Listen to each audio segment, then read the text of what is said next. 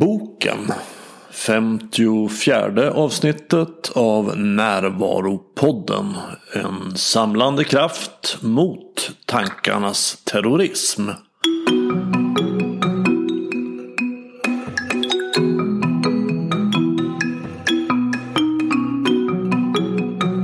Det här är Bengt Renander och först vill jag berätta att jag håller en föreläsning om maskulint och feminint i Stockholm den 12 mars. Och då ger jag en tydlig och användbar bild av hur du kan förstå din maskulina och feminina sida. Du får veta hur du kan använda den insikten till att skapa balans mellan görande och varande i ditt liv. Och inte minst till att skapa attraktion och passion. Och sen i april pratar jag om hur man stoppar tankarnas terrorism och i maj om tantrasex. Alla föreläsningar hittills har varit fullbokade så vill du ha en plats Anmäl dig tidigt på min hemsida renander.nu. Det här är ett specialavsnitt av Närvaropodden. Det är nämligen en samproduktion med Fredrik Hillerborg från podden Lära från lärda. Fredrik intervjuade mig i sin podd 2016 när jag kom med handbok i närvaro. Det var min allra första podderfarenhet. Och sen hjälpte Fredrik mig också med goda råd när jag ett par år senare startade Närvaropodden. Och när jag nu kom med min nya bok Stoppa tankarnas terrorism så ville Fredrik göra ett nytt avsnitt med mig i Lära från lärda. Och Fredrik har berättat för mig att den tidigare boken, Handboken närvaro, betytt mycket för honom i hans egen utveckling mot mer närvaro. Så att i det här avsnittet pratar jag med honom om det. Så vi får ett samtal som inte riktigt följer Närvaropoddens vanliga samtalsform. Fredrik är en så nyfiken och van intervjuare så han får nog mig att prata lite mer än jag brukar. Vårt samtal utgår från boken Stoppa tankarnas terrorism och spänner över ett vitt fält. Vi pratar om medvetenhet och närvaro som energihushållning. Om att så förväntningar och skörda besvikelser.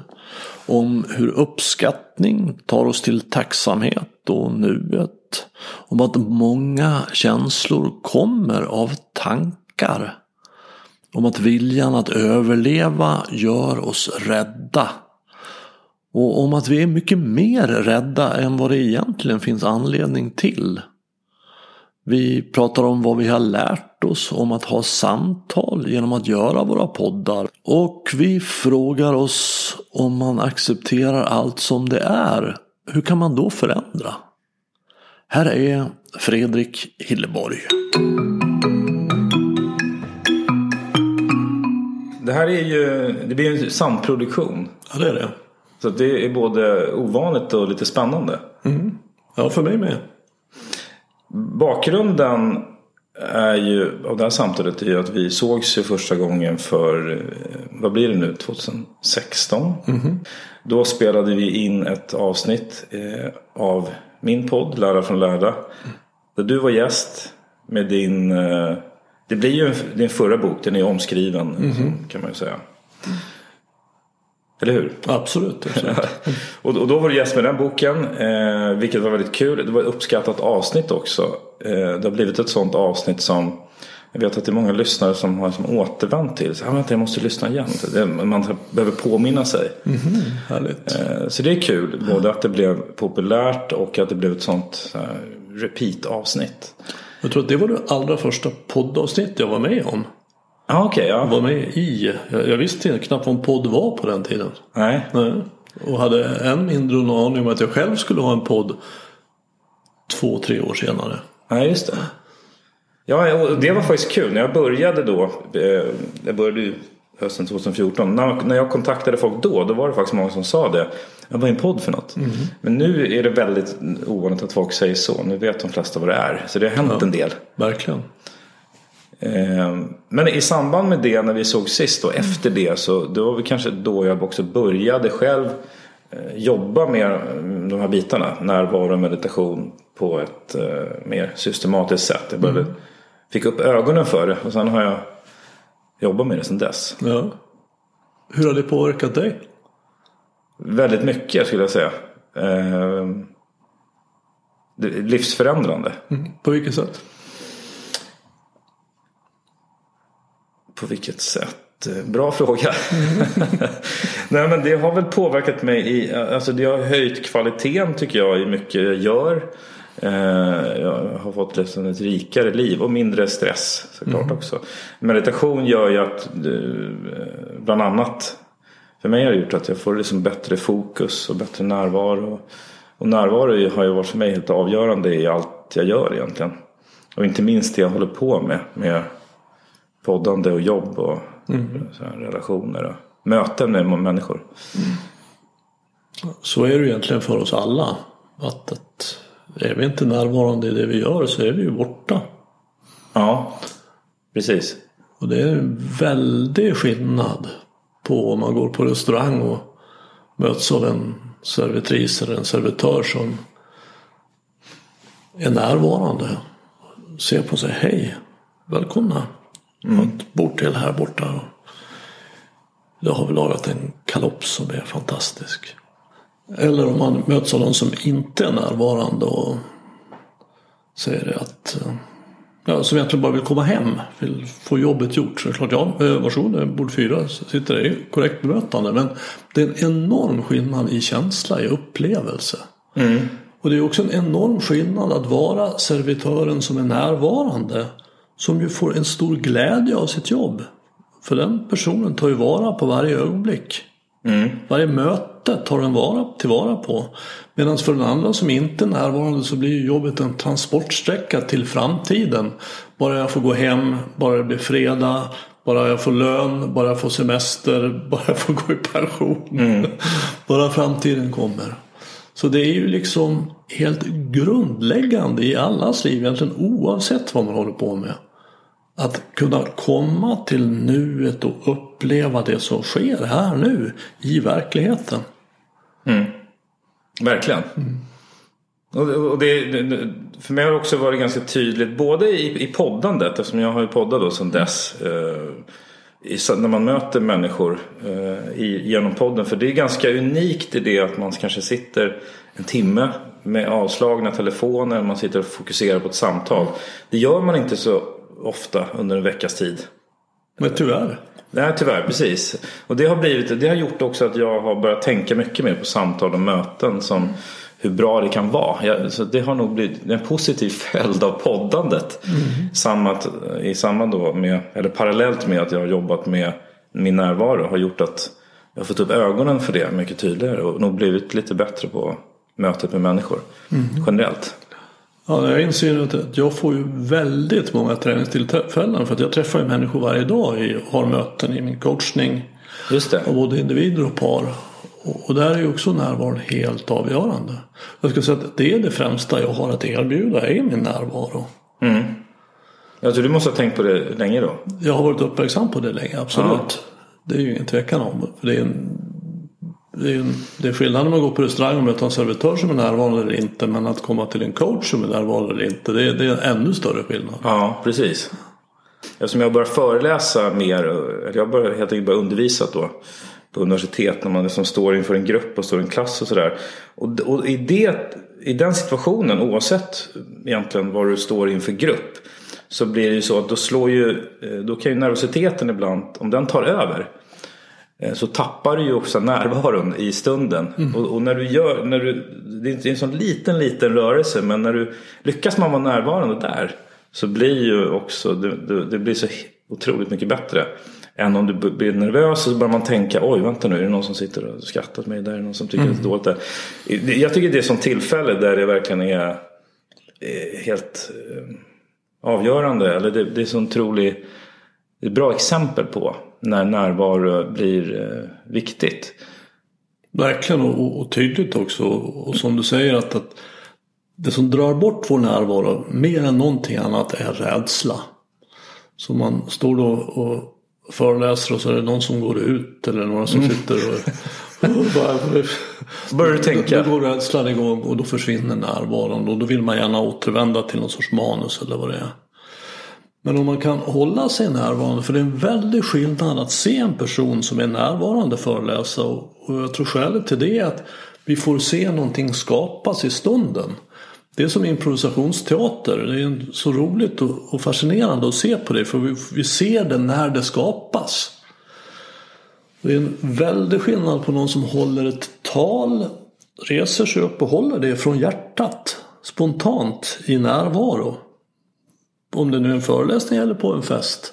Eller någon som reser sig upp och tar fram ett papper ur innerfickan och läser upp sitt tal. Mm. För det är ju skapat i det förflutna. Och det är väldigt, väldigt mycket mer fascinerande att få se när det skapas i nuet. Mm. Att få vara med en människa som är närvarande hela tiden. Att få, få se hur vårt möte skapas i nuet. Det, det, du hade ett avsnitt nyligen eh, där ni pratade om det i undervisning. Eh, som jag lyssnade på Närvaropodden. Okej. Okay.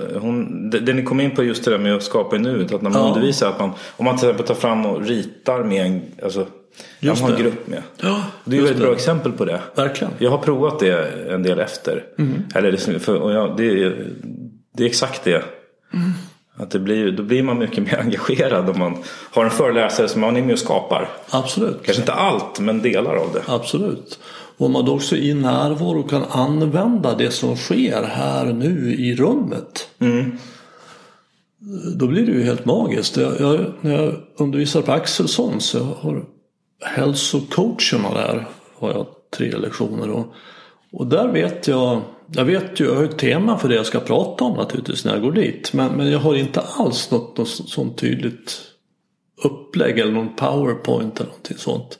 Utan vi sätter oss ner i en cirkel och, och sen så börjar vi mm. i en ände. Och sen i närvaro så ser vi vad det här tar vägen och efter tre timmar när vi är klara så är det många gånger att vi sitter och tittar på dem. Wow! Mm. Vad var det som hände här? Här skapade vi någonting tillsammans. För att ofta där det fungerar som allra bäst så säger ju eleverna, deltagarna, säger det jag skulle ha sagt. Fast de gör det ännu bättre än vad jag skulle kunna ha gjort. Så att allting kommer fram men vi gör det tillsammans i närvaro. Och det är en väldigt fascinerande process. Men du har en riktning ändå? Det har jag. Jag håller ju gruppen. Mm. Och det finns någon sorts riktning. Men, jag, men det som händer i nuet är alltid viktigare än min plan. Mm. Jag välkomnar det som händer mm, i nuet. Och vågar släppa som lite... Absolut, släppa kontrollen. Mm. Och det är en förutsättning för närvaro. För att om jag har en plan och det måste bli så här, jag måste hinna med det här, jag måste göra det här. Då är jag inte närvarande. Utan acceptans och närvaro hör ju intimt samman. Ja, precis. Så det är fantastiskt att kunna använda i undervisning. Anledningen egentligen från min sida nu är att vi gör den här samproduktionen i din nya bok. Just det. Eller som en, en uppdaterad eh, ny variant som jag har läst. När jag tog upp ämnet igen och har tänkt på det lite grann just kring medveten närvaro. Jag tänker på något som jag klurar på där är ju till exempel när man är på jobbet. Eh, just närvaro kopplat till, för när man är på jobbet då måste man sköta sina arbetsuppgifter såklart. Man måste ju, och, och då är man ju inne i massa kanske projekt eller arbetsuppgifter som är som fram och tillbaka i tiden. Och man, är, man är där sina timmar och även om jag har bra närvaro så någonstans så jag behöver ju jobba med mina tankar också. För du, du eh, beskriver ju här med upplevelsevärlden och tankevärlden. Mm. Hur skulle du, förstår du hur jag menar med, om jag, när jag menar att man på jobbet är man ju tvingad in i en roll där du också måste eh, vara ganska mycket i tankevärlden. Ja, jag har hört dig säga att använda sina tankar. Och det är ju precis det det är frågan om. Alltså att jag använder mina tankar istället för att de använder mig. Alltså att tankar är ju fantastiskt bra verktyg. Mm. Eh, som Einstein uttryckte att, att det rationella tänkandet är en god tjänare men en usel herre. Så att när jag använder mina tankar som ju är fantastiska för att lära av det förflutna. Att planera för framtiden. Att föreställa mig det som inte finns. Mm. Så är det otroligt fina verktyg. Det är det som har lett oss hit. Att vi nu kan sitta här i, och spela in en podd på en dator i ett hus. Utan tankar så har det ju varit ute som bergsgorillorna. Mm. Så det är ju fantastiska verktyg. Tankarna har hjälpt oss att överleva. För att ett sätt att se på oss människor det är att vi är ett genompaket. Alltså vi är gener som bara vill fortplanta sig. Mm. Och det är vad evolutionen handlar om. Och för generna spelar ingen större roll om vi är lyckliga eller inte. Utan det viktiga är om vi överlever eller inte. Och då är det ju evolutionärt gynnat att vara rädd. Alltså de som har varit rädda i historien, de har överlevt. De som har gått mitt i flocken och tänkt att jag måste vara omtyckt av alla och jag får inte komma bort. Mm. De har klarat sig och de som sa så att jag sticker iväg och kollar där borta, jag kommer tillbaks. Precis, vad är det för lurvig stor varelse med horn där borta? De såg vi aldrig till igen. Så att, att, att hålla reda på allting hemskt som har hänt i det förflutna. Jag måste kolla reda, komma ihåg det och hålla det levande i mig. Allting hemskt som har hänt, allt dåligt. Och jag måste räkna ut allt jobbigt som kan hända i framtiden. Jag måste vara förberedd på det och ha planer för vad jag ska göra när det har hänt. Jag måste också ha planer för när min lösning på det inte fungerar, vad gör jag då? Och det innebär att vi kan ha att göra från morgon till kväll med det förflutna och framtiden i tankevärlden, i rädsla för att överleva. Och det ska man säga, det är ju människan i sitt grundutförande. Och om vi inte gör någonting så är det där vi hamnar. Men jag skulle vilja säga att, att det var Buddha som kom på att det finns en nivå till. Som är där vi kan gå ovanför tankarna, kan man kanske säga. Att bevittna dem lite utifrån. Gå utanför tankarna är nog ett bättre uttryck. Och vara närvarande igen. Så som vi var innan vi kom in i tankevärlden. Innan vi fick tillgång till tankar för i storleksordningen 100 000 år sedan. Så vi moderna människor, vi har ju en rädsla som inte alls står i proportion till faran. Det är inte alls så farligt att vara Fredrik och Bengt som vi är rädda. Eh, så vi behöver se igenom tankarnas illusion. För att om tankarna använder oss så kommer vi att vara rädda från morgon till kväll. Oroliga för det och, och frustrerade över det som har varit och vad som kan komma att hända. Mm. Men om vi kan gå ovanför och säga att det här är tankar. Tankar är händelser i sinnet. Jag är inte mina tankar. Tankar är inte verklighet. Tankar är inte sanning. Utan det är något som pågår i mig. Och jag kan gå till den som bevittnar tankarna. Och komma in och uppleva nuet. Då är jag ju vaken. Mm. Och det är det som den här boken handlar om. Att stoppa tankarnas terrorism och istället vara vaken. Ja, men precis. Och, det, det, summa summarum så blir det ju, det handlar ju inte om att man inte ska sluta tänka. Och, och sitta som en hundvalp på jobbet. Och liksom, Det tror jag för det första är helt omöjligt. Jag tror inte det är möjligt att sluta tänka. Nej, nej men precis. Det håller på. Ja, exakt. Och, och det är inte det som heller är eh, målet. Utan det är snarare att kunna se skillnad och kunna lära sig se skillnad. Och inte bli som lurad. Ja, se att det här är en tanke och det här är verklighet. Och det som är verkligheten kan vi förnimma med våra sinnen på något sätt. Mm. Och, och det är ju för mig då medvetenhet. Att vara medveten om om det jag känner kommer från tankevärlden eller från verkligheten. Och upptäcka att det allra, allra mesta jag känner kommer från tankevärlden. Det är tankegenererade känslor. Jag tänker saker så blir jag ledsen, jag tänker saker så blir jag rädd eller orolig eller nervös. Som Eller... kommer automatiskt hela tiden. Ja, absolut. Tankarna, det, jag brukar, det är som en radio som spelar i huvudet. Ja. Och jag har ju hållit på med det i 20 år och den är fortfarande igång. Men skillnaden idag är att jag tar ju inte den alls lika allvarligt. Eh, det är inte så att jag sitter vid den här radion och tänker att åh, nej, åh, hjälp, åh, det, det, allt är sant. Utan när det fungerar väl för mig så är det mer som ute på landet att det står liksom någon transistor med P1 på långt borta. Man hör att de pratar men jag bryr mig inte så mycket om vad de säger. Mm. Ja, och, och, det är det jag också känner att jag har blivit bättre på sen vi, eh, den förra gången vi spelade mm in. Och det är ju väldigt, det är väldigt roligt. Ja, och det är en enorm, ett enormt skifte i en människas liv. Att, för vi lever i en kultur där vi tar våra tankar väldigt allvarligt. Och vi identifierar oss med det vi tänker. Mm. Och det jag skriver om och förespråkar handlar ju om att desidentifiera sig med sina tankar och se att, att det pågår någonting där som inte alls jag är, har någon kontroll över. Mm. Eller i väldigt liten grad har kontroll över. Det är lite grann som andningen. Att, att man kan ju hålla andan en stund och man kan andas snabbt en stund. Men, men, men när det kommer till en, eh, en punkt så ja, då vinner kroppen. Mm. Och så är det med tankar också. Man kan kanske låta det vara stilla en stund men sen kommer de. Och det är okej, okay, det är inget problem. Så länge jag vet att tankar är tankar så, så är det ju inget problem. Men ett annat område som du skriver om är, som jag eh, tycker är intressant också men svårt. Det är med acceptans. Mm -hmm.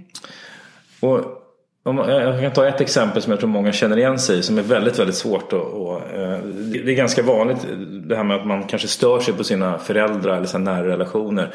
Det ringer och man har en, eh, en förälder eller en bekant som ringer och eh, klagar på saker och gnäller på saker. Det är som så här, ja nu, nu händer det här och nu händer det här. Och oj oj oj. Och det, det, vet du, det är minusgrader ute och jag har på halka och sådär. Och, man känner, och när man pratar så blir jag själv irriterad. Mm -hmm. men, åh, sluta, liksom, sluta, jag orkar inte ens höra, sluta gnäll. Mm. Då kommer jag, hamnar jag in i det där. Absolut. Eh, och, och det, det, är ju väldigt, det, det, är svårt att inte göra det. Ja. Det är jättesvårt. Absolut. Vad, hur, eh, hur tänker du kring det där? Att, att liksom, hur ska man för du, du, skriver ju om det där att det, det går ju inte att, jag kan ju inte provocera dig utan din hjälp. Nej, det går inte att kränka någon utan hans medverkan. Ja men precis. Så är det. Och eh, jag, jag, tänker så här att om, om, du ringer till mig och, vi, och du håller på och gnäller. Ja. Det, det, är ju inte ovanligt att människor som börjar på den här vad man kallar för andliga utvecklingen, alltså att vara mer vaken. Då upptäcker man ganska fort hur insomnade de flesta är. Alltså de lever helt i tankevärlden. Mm. Och då börjar man, fan jag är så irriterad. Folk är så jävla insomnade i tankevärlden och bara klagar och gnäller hela tiden. Mm. Men då är man ju där själv. Och man hamnar där själv Absolut. Ja. För acceptans handlar ju om att komma till verkligheten och acceptera det som sker i verkligheten. Mm. Så att om du pratar med en släkting som gnäller och du märker att jag blir väldigt irriterad över det här. Mm. Okej. Okay. Precis. Ja, det, det, det får jag acceptera. Jag är irriterad. Jag är, jag är irriterad. Det väcks sådana känslor i mig, i mitt ego. Tankar om att den här människan borde vara annorlunda. Mm. För att egot är ju läraren. Egot har ju så mycket synpunkter på hur folk ska göra hela tiden. Mm. Alltså om egot bara fick bestämma så skulle den släktingen göra sådär och den skulle säga sådär. De skulle vara klädda sådär och de där skulle hålla på så och de skulle rösta på det där. Och egot vet precis hur allting ska vara. När man går över till att mer identifiera sig med självet om man nu ska uttrycka det så, det är lite fel uttryckt egentligen. Men att, att jag, jag ser mig själv mer som det här vittnet så är jag istället eleven. Så min fråga är, vad kan jag lära mig av det här? Mm. Så skiftet går ju då ifrån att jag tycker att släktingen borde ändra sig och vara mer glad och tacksam. Till att vad kan jag lära mig av att jag blir irriterad på min släkting? Det är, det det är svårt. Det, det, är rätt svårt att, att göra det skiftet. Man ja. blir ju direkt irriterad. Absolut, men jag säger inte att du inte får bli irriterad. För, mm. för, för, för, det blir du. Det är mm. någonting som sker där. Så vi är inte ute efter att förneka eller bli någon sorts rosa Nej. gudar, goda människor. Utan det handlar om att vara konstruktiv i verkligheten. Och då behöver vi ta reda på vad händer i verkligheten. Så att du, min släkting håller på och gnäller över att det är snö och dåligt sandat och halkat och jag blir irriterad över att människan gnäller. Mm. Det är vad som sker i verkligheten. Okej. Okay. Men istället då för att fokusera på att hur släktingen ska ändra sig. För det vet jag väldigt väl. Den skulle sluta gnälla. Och, så titta på vad är det som händer i mig? Vad kan jag lära mig av det här? Vad, vad, har jag för tankar om mig och, att, och min rätt att bestämma hur en släkting ska vara? Jag vet ju ganska lite om den släktingen egentligen. Så att om jag kan acceptera att jag blir irriterad, titta på vad, vad är det här? Ja, jag går runt här och tycker att jag har rätt att bestämma hur folk ska vara. Mm. Det kanske inte är så bra. Det kanske inte är vad jag själv vill. Det kanske vore bättre om jag släpper människor fria att vara som de är. Och att jag därmed också kan släppa mig själv fri att vara som jag är. Så att då, för, för det blir först en irritation över släktingen. Sen kan det bli en irritation över att jag är irriterad. Jag borde inte vara irriterad men jag är irriterad. Så jag är irriterad över att jag är irriterad. Mm. Och, och, så blir jag förbannad över att jag är irriterad. Så att det blir ett ständigt pågående drama där jag lägger på ny ved. Nytt mm. bränsle på den irritations eller ilskebrasan som finns där. När jag säger okej okay, så slutar jag lägga på bränsle. Men en brasa slutar ju inte brinna bara för att man i samma ögonblick som man inte lägger på ett nytt vedträ. Den får liksom brinna ner. Och när den har gjort det så blir det ju bara så blir det aska kvar. Och många gånger kan man då blåsa på den askan och säga Vad var det här egentligen? Det var ingenting. Jag har skapat ett drama ur ingenting. Och där är ju sinnesrobönen en fantastisk formulering på tre rader som hjälper oss. Mm. I att jag ber om sinnesro att acceptera det jag inte kan förändra. Mod att förändra det jag kan och förstånd att inse skillnaden. Så hur min släkting är och förhåller sig till halkan. Mm. ja, kan jag förändra det? Nej, tveksamt. Jag släpper min fri, släkting fri att förhålla sig till halkan som den vill. Mm. Men, men, man kan väl fortfarande också, jag menar, om, du, om det skulle vara du, då skulle jag kunna säga men man kan ju prata om det och säga, men kan du, kommer du kunna påverka hur, hur, eh, snöröjningen liksom i, i Stockholm? Vill du lägga ner energi? Alltså man måste väl också kunna Alltså, eller, tycker du att man ska acceptera allting eller kan man också ifrågasätta och prata om saker, bemöta sånt som man tycker är jobbigt att hantera? Eh, jag tycker att man ska acceptera allting som är mm. nu. Eh, och det är av den enkla anledningen att det redan är. Det är fullständigt sinnessjukt att vara emot det som är. För det är ju redan. Mm. Men det innebär ju inte att jag inte kan förändra det. Jag brukar berätta för att tydliggöra det här som är svårt att förstå. Det, det är verkligen det. I synnerhet när man är uppfostrad i vår kultur. Men på ett sätt så kan jag säga att det är inte så svårt att förstå. Om du tänker att du vaknar på morgonen och så är du sen till ett möte.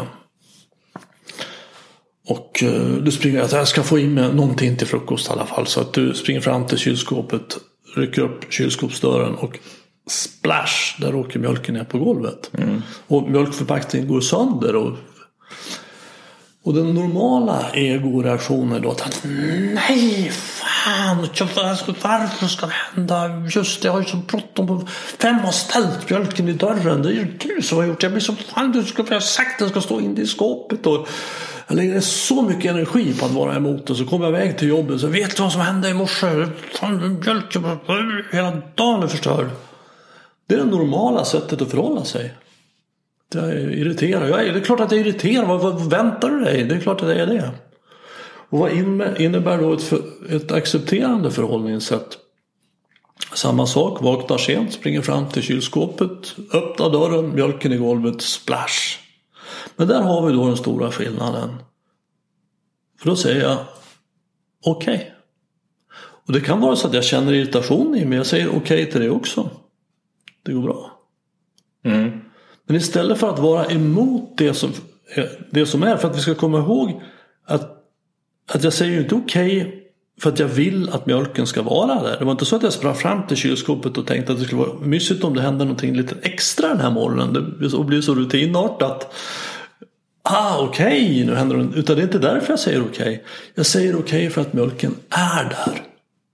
Därför säger jag okej. Jag, jag har gjort kanske det viktigaste skiftet en människa kan göra i sitt liv. Och det är att sluta att kämpa emot verkligheten. Och då till din fråga. Måste mjölken ligga kvar där för att jag säger okej okay till den? Nej, inte alls. Utan jag kan ta en trasa och torka upp den. Just det, och du kan lära dig så nästa gång kanske du inte sliter upp. Exakt, då kanske mm. ställer in mjölken i, i skåpet. Jag lär mig hur jag ska undvika det här. Mm. Så att vad jag gör är att jag blir konstruktiv i verkligheten. Jag gör någonting åt det här problemet på riktigt. För, det innebär, för jag har ju energi över till det.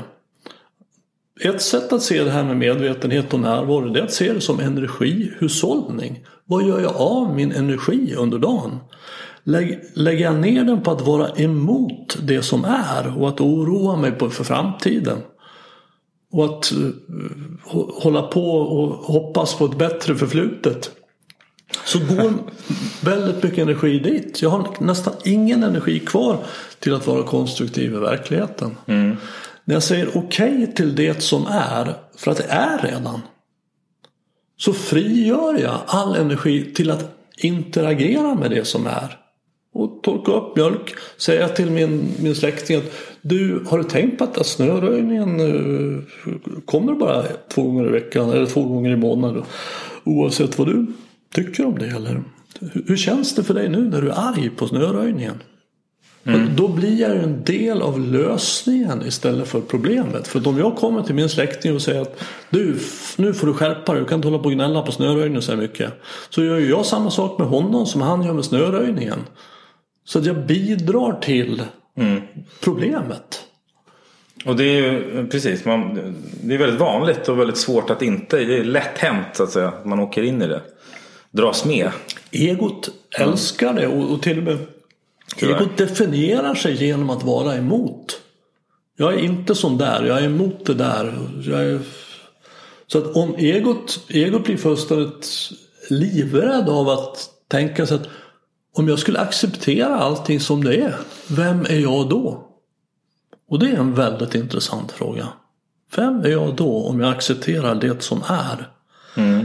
Och vi behöver hela tiden komma ihåg att det innebär inte att vi inte kan förändra det. Utan jag menar att vi har väldigt mycket större möjligheter att förändra det om jag kommer ifrån acceptans. För då har jag mycket mer energi kvar. Ja, precis. Och eh, för att återkoppla till det du sa. Jag, jag brukar prata om att man har hundra guldmynt per dag. Ja, vilket bra. Och, och, vad vill jag, mentala guldmynt då. Mm. Och vad vill jag lägga dem på? Exakt så. Um, vill du lägga, både det lilla och det stora. Mm. Jag vet att jag, det är ganska vanligt. Jag har varit med om det. Så att man sitter på jobbet i lunchrummet till exempel. Så sitter det många som sitter så här. Du, vad, vad, tycker du? Ska jag köra aerobics idag eller ska jag köra spinning? Jag vet inte. Eller, ska jag strunta i det? Ska jag, mm -hmm. Orkar jag göra det? Eller bara, ja, då sitter så här och så mm -hmm. lägger ni massa energi på. Och som, ifall de ska träna till exempel. Ja. Och då, alltså, det, det, man, och då är man inte riktigt medveten om ett val. Att man, eh, ja men vadå, bestäm istället vad du ska göra och sen kan du prata om andra saker. Mm -hmm. eh, som istället för att oroa sig eller gnälla mm -hmm. eller sådär. Mm -hmm. Så mentala guldmynt. Att man Fördela dem som du vill istället. Ta kontroll över vad du vill lägga din tid och energi på.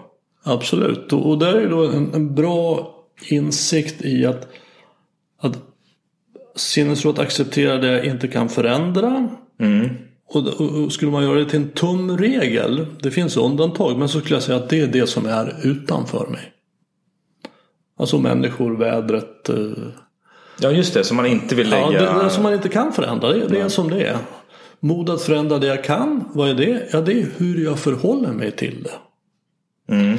För att om jag kommer till en annan människa och ska förändra henne då kommer jag från mitt ego och det är smittsamt så då kommer jag att få en egoreaktion.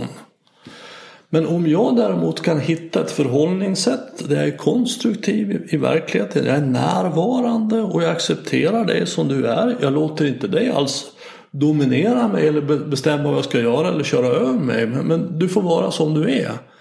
Ett, ett, en närvarande och medveten. så blir det ett helt annat förhållningssätt. Och då kommer människor att komma till dig och undra, du Fredrik, hur gör du? Du verkar ha det bra, det verkar funka för dig. Hur gör du? och då kan du berätta, ja så, så här gör jag. Och då är det inte ditt ego som kommer och ska styra upp andra utan de kommer till dig. Så att du blir en, en, en fyr eller en, någon som utstrålar medvetenhet och närvaro. För att du är dig själv. I alla situationer. Ja, precis. Och det, det också styr ju vad man... Ja, men vad vill man prata om? Vad vill man ägna sina, sin tid åt? Är det, blir det liksom att oroa sig för saker? Eller prata, försöka, försöka ändra på saker som inte går att ändra på? Jag, brukar ge mina klienter i uppgift att tills nästa gång vi ses så ska du inte klaga en enda gång. Och Jag har också testat det. Ja. Och, och eh, de kommer ju ja, står alltid tillbaka och säger att ja du Bengt, jag har inte gjort det men jag hade ingenting att prata om på jobbet. Det är det enda vi gör. Ja men precis, det är vanligt ja, i Alltså fikarummet. fikarum och vi- man är emot någonting. Och för det är så egot bondar. Så egot, Det är skönt. Ja. ja, vi, vi, vi som är emot det här. Då får vi en väldigt fin identitet och gruppgemenskap. Och en, en gemensam fiende. Jag, jag, jag pratade med en kompis en gång och så frågade jag honom så här. Jag frågade honom om en gemensam vän. Jag vet du, om, jag kommer inte ihåg exakt vad det handlade om. Jag frågade honom om en gemensam vän. Då sa han så här. Nej, då får du ringa och fråga honom. Jag pratar inte, jag skvallrar inte. Jag pratar inte om andra. Jag pratar gärna om oss. Ja. Eller om, om dig eller mig. Och det, det, jag, jag tyckte det var en eh, intressant tanke. Absolut. Att man, nej men jag, jag ägnar inte mig åt att prata om andra. Nej. Eh, var det som ett, jag vet inte vad du, vad du tycker om det men jag tycker det är spännande. Ja, det är, väl, det är väl härligt. Det är väldigt många som lägger tid på att sitta och skvallra och peka. Absolut. Absolut. Eh, och det, det är också ett sätt hur, hur man bondar eller vad man ska säga. Med. Det är så egot bondar. Klaga på andra är ju en väldigt populär egostrategi. Och, och det leder egentligen bara till mer smärta. Det leder inte till någon tillfredsställelse. Jag gjorde- Det senaste avsnittet jag släppte här igår handlar om, om yin-yoga. Och det pratar vi om smärta som leder till mer smärta och smärta som leder ifrån smärta. Och det, det tycker jag är intressant. För att det, det, det där är ju en smärta som leder till ännu mer smärta. För det är jobbigt att hålla på och vara emot. Jag är upprörd över hur de säger till dem. Men det leder bara till mer smärta. Och mer smärta. Det är bara lidande. Ja, det blir någon slags negativitet också. Så. Verkligen, verkligen. Jag blir destruktiv i en mardröm. För det här pågår ju liksom i en sorts drömvärld också. Tankevärlden. Det är ju en drömvärld. Ja. Men det är också, ja precis, och det är där man kommer in till det. Det kan vara svårt också om det är någon annan som Folk som börjar eller klagar som vi var på innan. Att, att det, men där gäller det också att kunna då acceptera det. Ja, absolut. Det, det, det, för att om jag börjar klaga. Då är, man- kommer man in i det själv. Den som klagar på de som klagar blir en utav dem. Ja men exakt, exakt. Precis. Ja, det, är, det är ju det är spännande men också svårt. Lätt men svårt. Ja, jag, jag brukar, mitt favorituttryck är att det är enkelt men det är inte lätt. Just det. Mm. Och det är svårt inte minst för att vi har så starka kulturella traditioner om att tro på våra tankar och prestige och vad du säger, vad du tänker om mig har väldigt mycket med mig att göra. Men det här innebär också att jag, jag släpper ju människor fria och att jag, jag, kan skilja på vad som är ditt och vad som är mitt. Det är någonting som finns i det här lärandet också. Så att om du säger till mig att, att Bengt fick en ful skjorta du har. Så i, i mitt ego skulle jag bli väldigt upprörd. Hur kan du säga så till mig? Det är liksom kränkande och förnedrande. Och jag har verkligen valt ut den där skjortan. Du får aldrig säga så igen. Men om jag kom, kommer till mitt själv så ser jag att du har just nu berättat något om din skjortsmak. Som inte har med mig att göra överhuvudtaget. Inte min skjorta heller. Det är svårt att tänka så. Det är svårt. Jag behöver vara vaken. Ja. Jag behöver liksom kunna skilja på tankar och verklighet. För mina tankar, min reaktiva ego går ju igång. Och går jag dit, ja då blir det reaktion. Ja du då med den där tröjan, den är ju... Mm. Men om jag kan gå till det här vittnet som ser att mitt reaktiva ego gick igång. Det är inte det jag vill göra nu för att när jag är mig själv så har jag alltid ett val. Jag kan alltid välja om jag vill gå igång i reaktionen eller om jag vill vara kvar med det mm. som är okej. Okay. Och, det... och det är ofta det klokaste valet. Ja, och det är precis som jag nämnde där med när man, när man föreläser. Mm. Att om man plötsligt går igång på och tänker oj den där personen där borta ser lite uttråkad ut. Mm. Jag, vänta, är det dålig föreläsning här? Vänta, nu håller jag på. Alltså ja. drar man iväg där. Absolut. Eh, och, och, och, så fort man hamnar där så är det liksom, då blir det dåligt. Ja. Eh, och, och det, det gäller liksom att, att vara i nuet. Och, Absolut. Och då det blir bra. Det är så, men det är en väldigt fin linje. Ja, absolut. Och man behöver träna upp förmågan. Mm. Jag har ju många klienter som dejtar. Och, och det är ju samma sak vid en dejt. Mm. Att det är en sån enorm skillnad om man är, då är rädd för hur man ska verka och så börjar man framställa sig själv på ett sätt enligt någon sorts plan. Man berättar hur duktig man är eller vad man nu är. Just det. Det är en enorm skillnad att möta en sån person eller en person som bara kan sätta sig ner. Så hej, och så mm. ser vi vad som uppstår här i mötet i närvaro. Och, och närvaro och kärlek är ju intimt sammankopplade. Så vi kan ju efter 10-15 sekunder så kommer vi i kontakt med kärleken. Kärlek finns väl inte utan närvaro? Nej, jag, eftersom vi inte kan uppleva kärlek någon annan gång än nu. Mm. Det är det enda gången vi kan uppleva det. Så är jag inte med min uppmärksamhet i nuet så kommer jag aldrig få uppleva det. Mm. Många tänker sig att jag ska få uppleva kärleken sen. Mm. bara jag har träffat någon eller bara, jag har, bara det här har hänt. Men det, är helt, det går ju inte. Och kommer vi till nuet i vår möte så kommer vi upptäcka att det finns väldigt mycket kärlek. Alltså vi kan, när vi går och handlar och vi bara är närvarande med kassörskan. Bara några sekunder ser henne i ögonen och säger tack. Mm. vad hände här?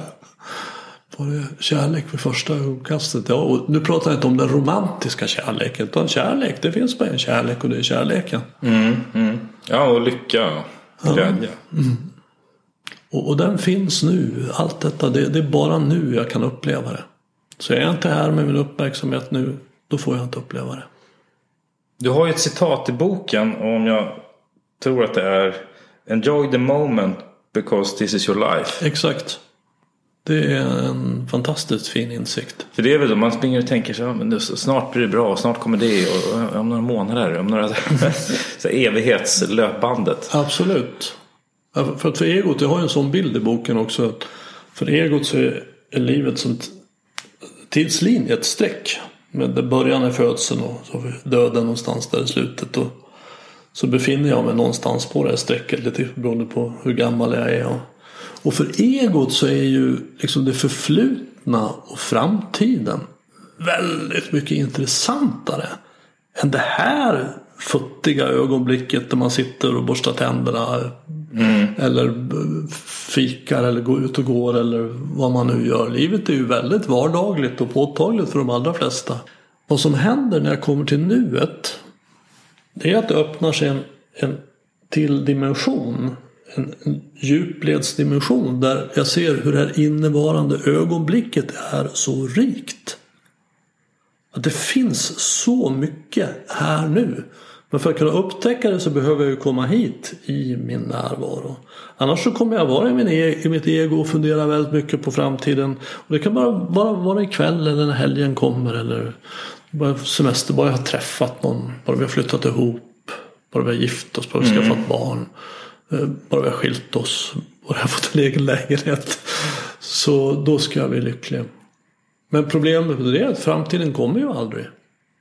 Alltså, Nej, precis. I morse när vi vaknade så, så visste vi att vi skulle träffas här nu. Mm. Och nu sitter vi här, men vi sitter ju inte här och tänker att wow, nu har framtiden äntligen kommit. Nej, vi sitter ju här nu. Mm. Det är det enda vi någonsin är med om. Mm när man träffar människor. Dels har jag tänkt på utifrån mig själv att man, jag ofta har en, jag vet inte om du känner igen det. Jag ska ju träffa någon person som jag inte har träffat förut. Och så, det jag vet är kanske så här, ålder, kön och vad den gör. Alltså, då får jag upp en bild i huvudet. Så här, så här är nog den här personen. Och väldigt ofta så blir jag överraskad. Att, ja, det här var ju kanske mycket trevligare än jag tänkte. eller gladare. Eller så här, åt något håll. Så jag, och jag har liksom börjat tänka på det. Men vänta nu. Varför, varför har jag en så här, bild före? Jag försöker att släppa det. Mm -hmm. Det är ointressant det som egentligen var att försöka eh, bara vara öppen. Och, och, det har blivit väldigt, det, det är en utmaning för att det känns som att i vår kultur så blir det att man, det är ju fyllt, eller vi också människa så att man, har ju, man får ju en bild av att man vill kategorisera folk. Men jag tycker det har varit en spännande resa i, att i mig själv försöka släppa det och försöka vara öppen till men det är också svårt. Mm. Verkligen. Eh, förstår du hur jag, hur jag tänker? Jag vet inte om Absolut. du känner igen det från... Absolut. Och, och det här är ett bra exempel på det vi pratar om. Att, att egot drivs av rädslan. Så egot vill vara förberedd. För att jag, jag, inte för, jag måste vara förberedd för annars så kommer det kanske gå åt skogen. Och, och då tänka ut olika scenarion och förbereda sig på den personen ska vara. Och skaffa sig förväntningar. Mm. Både kan vara positiva eller negativa. Alltså om du vill skörda besvikelser så ska du så förväntningar. ja. För att när vi så förväntar så kommer vi garanterat att bli besvikna. Och, och det du har lärt dig under de här hundra poddavsnitten det är ju att gå in med nybörjarens ögon. Och det, det är något man pratar mycket om, om in, inom buddhismen. Att, att ha nybörjarens ögon. Mm. Att inte veta.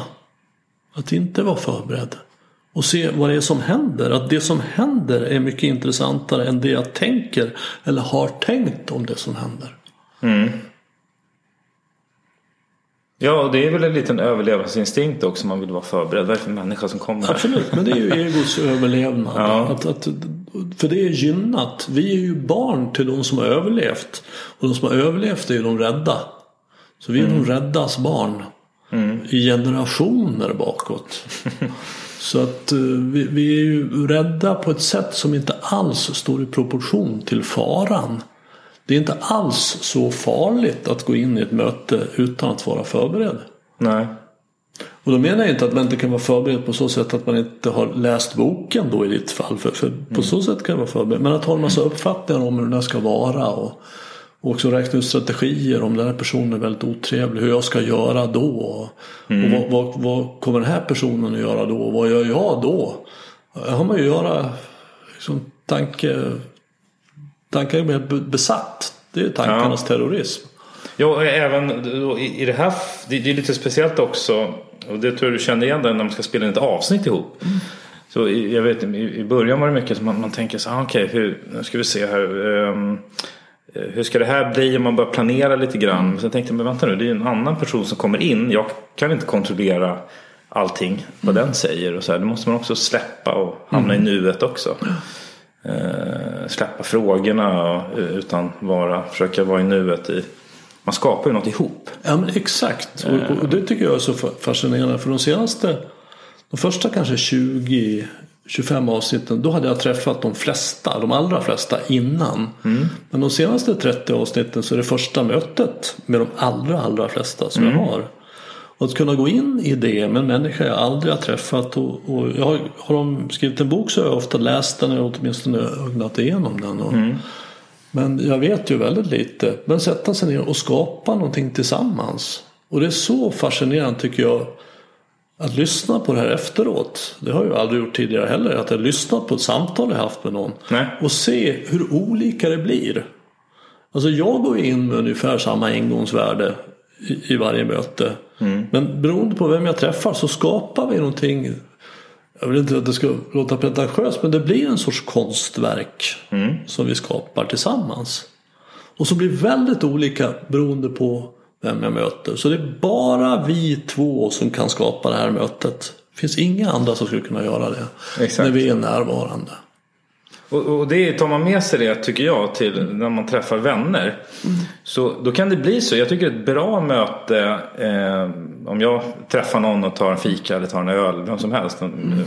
Och, och ibland lyckas man ju få till det att man faktiskt skapar något nytt ihop i samtalet. Ibland kan det vara bara att man kommer och inte vet jag, det, så här, redovisar något, det här, det här, det här, det här. Och så, Mhm. och så, kommer det, så säger nästa det här, det här, det här. Det, här. det är Mhm. ganska vanligt. Men jag tycker när man hamnar, eh, ibland i alla fall, man känner efteråt så här, wow vad, vad kul det var att träffa den. Mhm. Tittar man tillbaka på det så har man nästan lyckats, det är som att man kommer med en whiteboard och så fyller jag i och så Mhm. ritar du till. Och så. Jag brukar se ett bra möte med människor överlag lite så, att man skapar något ihop. Absolut. Eh, Och det är inte alltid det blir så men man, ibland kan jag känna wow vad kul det var. Och då tänkte jag, ah, vi, det var faktiskt att vi tillsammans vi hade en intressant diskussion eller vi, vi samtal som blev. ehm, men då gäller det att båda kan samtala så att inte en bara sitter som en megafon. Absolut. Och ja, att vi får vara kreativa och skapa något tillsammans. Och också att vi får beröra varandra. Ja, Då menar jag psykologiskt. Att, att jag blir berörd. Det du säger berör mig på något sätt. Det behöver inte vara sorg, eller glädje eller eh, att det är intressant. Eller, det rör mig. Och, och, jag menar, det är så otroligt viktigt de mellanmänskliga mötena för oss människor oss flockdjur att få, få vara i kontakt med varandra, beröra varandra psykiskt och fysiskt naturligtvis. Men vad har du lärt dig på att podda? En sak, jag, jag har lärt mig mycket på poddar. Jag tycker det har varit fantastiskt och är fantastiskt utvecklande. En sak är ju interaktionen med dem jag träffar. Att det finns så många olika sätt att tänka kring det här som jag som podden handlar om, nämligen medvetenhet och närvaro. Det finns många sätt att tänka om det och det finns väldigt många sätt att utöva det. Men när vi kommer ner till en gemensam kärna så, så upptäcker jag att ja, vi, vi, vi har en gemensam kärna allihopa. Det finns någonting där som vi har kommit fram till på väldigt många olika sätt, de här olika människorna. Men vi, vi kommer fram till samma punkt. Ofta har, har det varit smärtsamma vägar för oss. Det, det, det, det är någonting som jag, jag ser hos nästan alla har kommit in på den här vägen mot mer medvetenhet om närvaro. För att de har fått nog av smärta. Det får vara nog. Och så, så var det ju för mig också. Och vilken törst det finns efter den här typen av kunskap. Jag får ju mail, flera mejl varje vecka från människor som hör podden. Som tackar för, för att det har betydelsefullt för dem på olika sätt. Och det är ju en otrolig gåva. Jag sätter sånt stort pris på det. För det, det är därför jag gör den. Att få sprida det här och få, att få dela med mig av det här som varit så hjälpsamt för mig i mitt liv till andra och se att det är hjälpsamt även för dem. Det så jag pratade, jag tror det var med Kjell Enhager, jag konstaterade att det som verkligen ger en lycka på riktigt är att få bidra till andras lycka. Mm. Ja, det, och det känner jag precis samma sak också. Det är därför jag också håller på med podden. Ja, Att, att jag vill sprida någonting jag tror på och jag tycker är viktigt och, och, och intressant. Eh, för det är en ganska vanlig fråga jag får i alla fall. Eh, hur, ofta handlar det om så här, hur mycket tjänar du? Eller hur många lyssnare? Eller hur många, man vill säga siffror men, men jag tycker inte man måste tjäna pengar på allting. nej. Nej, verkligen inte. För mig är det här ett sätt att dela med mig. Jag, jag betalar för att göra podden. Och det, det är helt okej för mig. Jag, jag är verkligen, det tycker jag är otroligt väl använda pengar. Jag skulle tro att det finns inga pengar jag använder så väl som de som jag betalar för att, att göra den här podden. Det, för jag har glädje av det själv och jag får bidra till andras lycka. Och det bidrar ju verkligen till min lycka. Så att det, det är eh, fantastiskt. Jag kommer aldrig att eh, sluta. jag vill, som jag känner nu i alla fall. Jag, jag- jag, och jag började också sen jag själv började podda. Så, för man blir ju väldigt glad när, man, när folk hör av sig till exempel. Ja. Det är jättekul. Eh, Och, och så att jag har faktiskt blivit bättre på det själv. Jag, jag brukar ofta mejla till dem jag lyssnar på. Även om det är en stor podd. Det spelar ingen roll om det är en tv-kanal. Så, ja, men, och jag gillar er podd bara så ni vet. För, Ja. att jag ger dem för jag tycker att det är viktigt att kunna göra det också. Verkligen. Eh, för det glömmer man lätt bort. Man, man, liksom, man mejlar när man har något att klaga på. Men inte när man tycker att något är bra. Ja, precis. Så det- att man själv är en förebild där. Absolut. Nej, men för det är så betydelsefullt att få ge uppskattning. Det är någonting som jag lär paren som kommer hit. Att, att jag uppskattar dig för att. Och för det är någonting vi, vi är så dåliga på. Man tar för givet. Ja, man tar för så givet och att ja, ja, de, de får säkert så mycket uppskattning från andra i alla fall. Mm. Så att det betyder ingenting.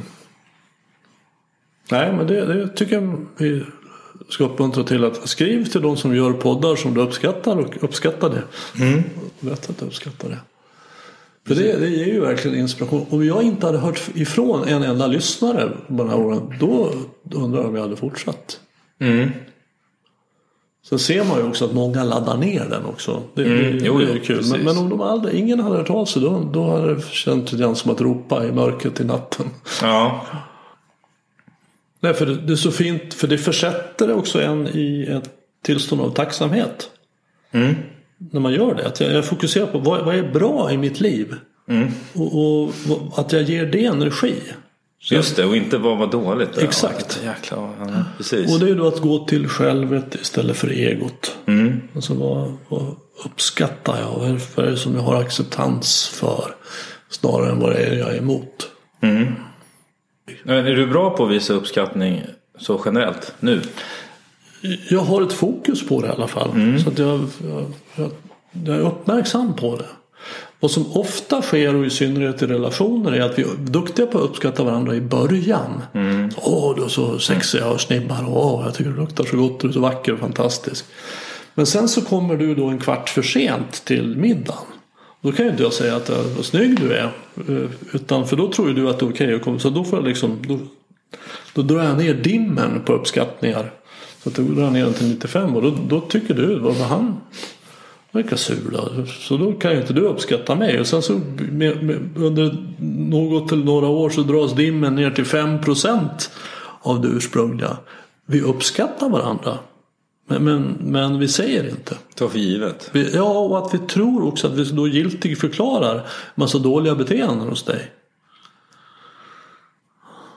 Så att, eh, men det är ju väldigt värdefullt och viktigt att bryta. För det är så fantastiskt, inte minst för mig själv, att komma till den punkten där jag inser att jag uppskattar dig. Jag uppskattar världen, jag uppskattar livet väldigt mycket och jag uttrycker det. Det är en väldigt bra punkt att vara på i sig. För det finns mycket som vi alla har att uppskatta. Mm. Och det behöver verkligen inte vara märkvärdigt utan det, de mest fantastiska saker i livet är ju väldigt vardagliga. Att få ett riktigt bra havremjölksskum i cappuccino. Precis. Precis. wow! Och kanske en bit mörk choklad till. Hur bra kan det bli? Alltså, så mycket bättre än så blir det inte mitt liv i alla fall. Och det behöver inte bli bättre heller. Det Exakt. tycker jag är fascinerande med den här utvecklingen. Att, att man kommer, när man kommer till, till sitt själv så ser man att, att jag är lycklig här nu i det här ögonblicket med det som är. Och det är en väldigt stor sak för att då är jakten på lycka över. För jag behöver inte bli lycklig längre för jag är det redan. Ja, för du, du skriver ju om det också. Lycka, den största fienden är ju letande. Man liksom letar, letar, letar, letar. Men... Absolut, jag ska, jag ska bli lycklig. Bara jag får det här och bara jag har gjort det här och bara det här kommer. Jag, jag ska bli Men fan, jag, nu är jag inte det. Och att ge upp det. Alltså att ge upp jakten på lycka. Jag inser att den finns här. Ja, leder till... Det kan ju vara svårt med ord. Det beror lite grann på vad man menar med lycka. Men för mig är lycka mer som en porlande liten bäck. Än ett himlastormande fyrverkeri. Så att, att det finns en sorts tillfredsställelse i alla fall. Tacksamhet, glädje. Över att få vara levande här nu. Med det som är. Och inse att det behöver inte vara annorlunda. Du behöver inte ha en annan tröja på dig. Eller förhålla dig, du behöver inte förhålla dig till snöröjningen på ett sätt som passar mig. För att jag ska vara lycklig. Det går bra ändå. Jag, jag brukar, som så här sista fråga, jag brukar alltid fråga om rekommendationer. Okej. T- Två rekommendationer. En rekommendation är Sam Harris och hans app som heter Waking Up och då är det Waking UP. Mm. Det är en fantastisk, jag, jag gillar verkligen honom. Han har ett så bra sätt att prata om det här är egentligen samma sak som jag pratar, alltså sekulär andlighet. Alltså andlighet utan religion, utan Gud, utan som handlar om närvaro. Jag tycker att han pratar om på ett väldigt bra sätt. Han har en app då som heter Waking Up som jag har varit med på sen, sen, sen starten. Där han har meditationer, han har föreläsningar, insikter. Han har ett så bra sätt att förhålla sig till det och prata om det också. Jag tycker han är superbra, jag tycker han är bäst. Mm. Så honom rekommenderar jag. Och ska jag rekommendera ett förhållningssätt så skulle jag säga att, att, att kunna vara med det som är. Att du kan, man, man kanske inte behöver förändra någonting. Utan det får vara så här som det är. Att slappna av in i det som är.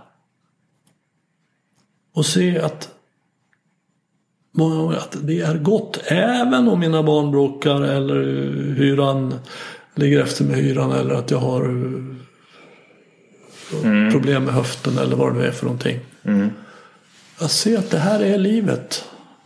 Och det, är, det är som det ska. Mm. Mm. Har du något som du vill rekommendera? Jag tycker att um, nej men det här med samtal tycker jag att man kan. Man behöver inte ha en podd för att, mm. för att experimentera och träna på det. Jag tycker att man ska tänka på det. Att man uh, försöker skapa liksom, kvalitativa möten med människor mm. i större utsträckning. Det kan vara att om jag, om jag träffar någon för en fika eller en öl Eh, jag var med om det själv. Att jag, det var nog kanske första gången. Jag tror till och med det var en dejt då. Eh, att jag vet att det var en person som var ganska svår att få tag på på mobilen. Så, som jag tyckte det var långsamt att svara och sådär. Men sen när vi såg så stoppade mobilen i väskan. Så här, stoppade undan den och stängde av den. Så att var, blev väldigt närvarande. Och jag tänkte liksom wow vilken skön känsla. Att hon liksom stoppar undan den. För att nu ska vi ses här mm. en timme.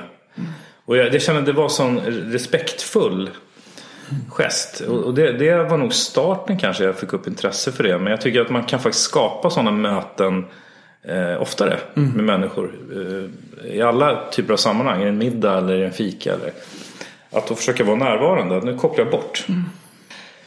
Och gör man det så blir man bättre och bättre. Och det blir bättre och bättre. Och det blir mm. häftigare och häftigare upplevelser.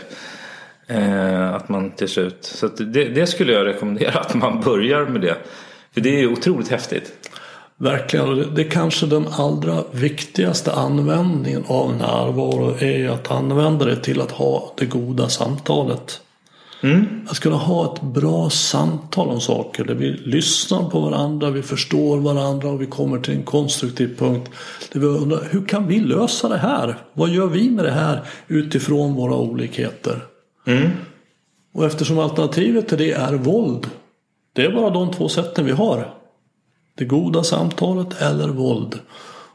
Våld är naturligtvis att slåss och skjuta det olagliga våldet. Men det är också att skrika och skälla, vara kritisk, sarkastisk, ironisk, att sura, stänga ner, stänga av. Och våld leder till mer våld. Mm. Vi lever i ett samhälle som har mycket våld. Både olagligt och lagligt våld. Så det goda samtalet tar oss ur våldet och in i konstruktivitet istället. Så det är otroligt viktigt. Jag tjatar om det på den här podden. Jag kommer fortfarande fortsätta att tjata om det. För mm. det är så viktigt. Det är någonting som vi alla kan göra direkt kan vi börja med det. Och ha bra samtal med de som är oss nära. Mm. Vi är konstruktiva istället för destruktiva. Mm. Och då, då, blir man bättre på det också. Då blir det häftigare och häftigare. Det blir, det blir en, så det, det, är verkligen kul. Ja, och vi inspirerar dem till att bli bättre på det också. Mm. Som i sin tur sprider det till andra. Så det blir en, en mm. stor effekt av det. Tack för att du var med i, i programmet. Ja, tack för att du var med i programmet.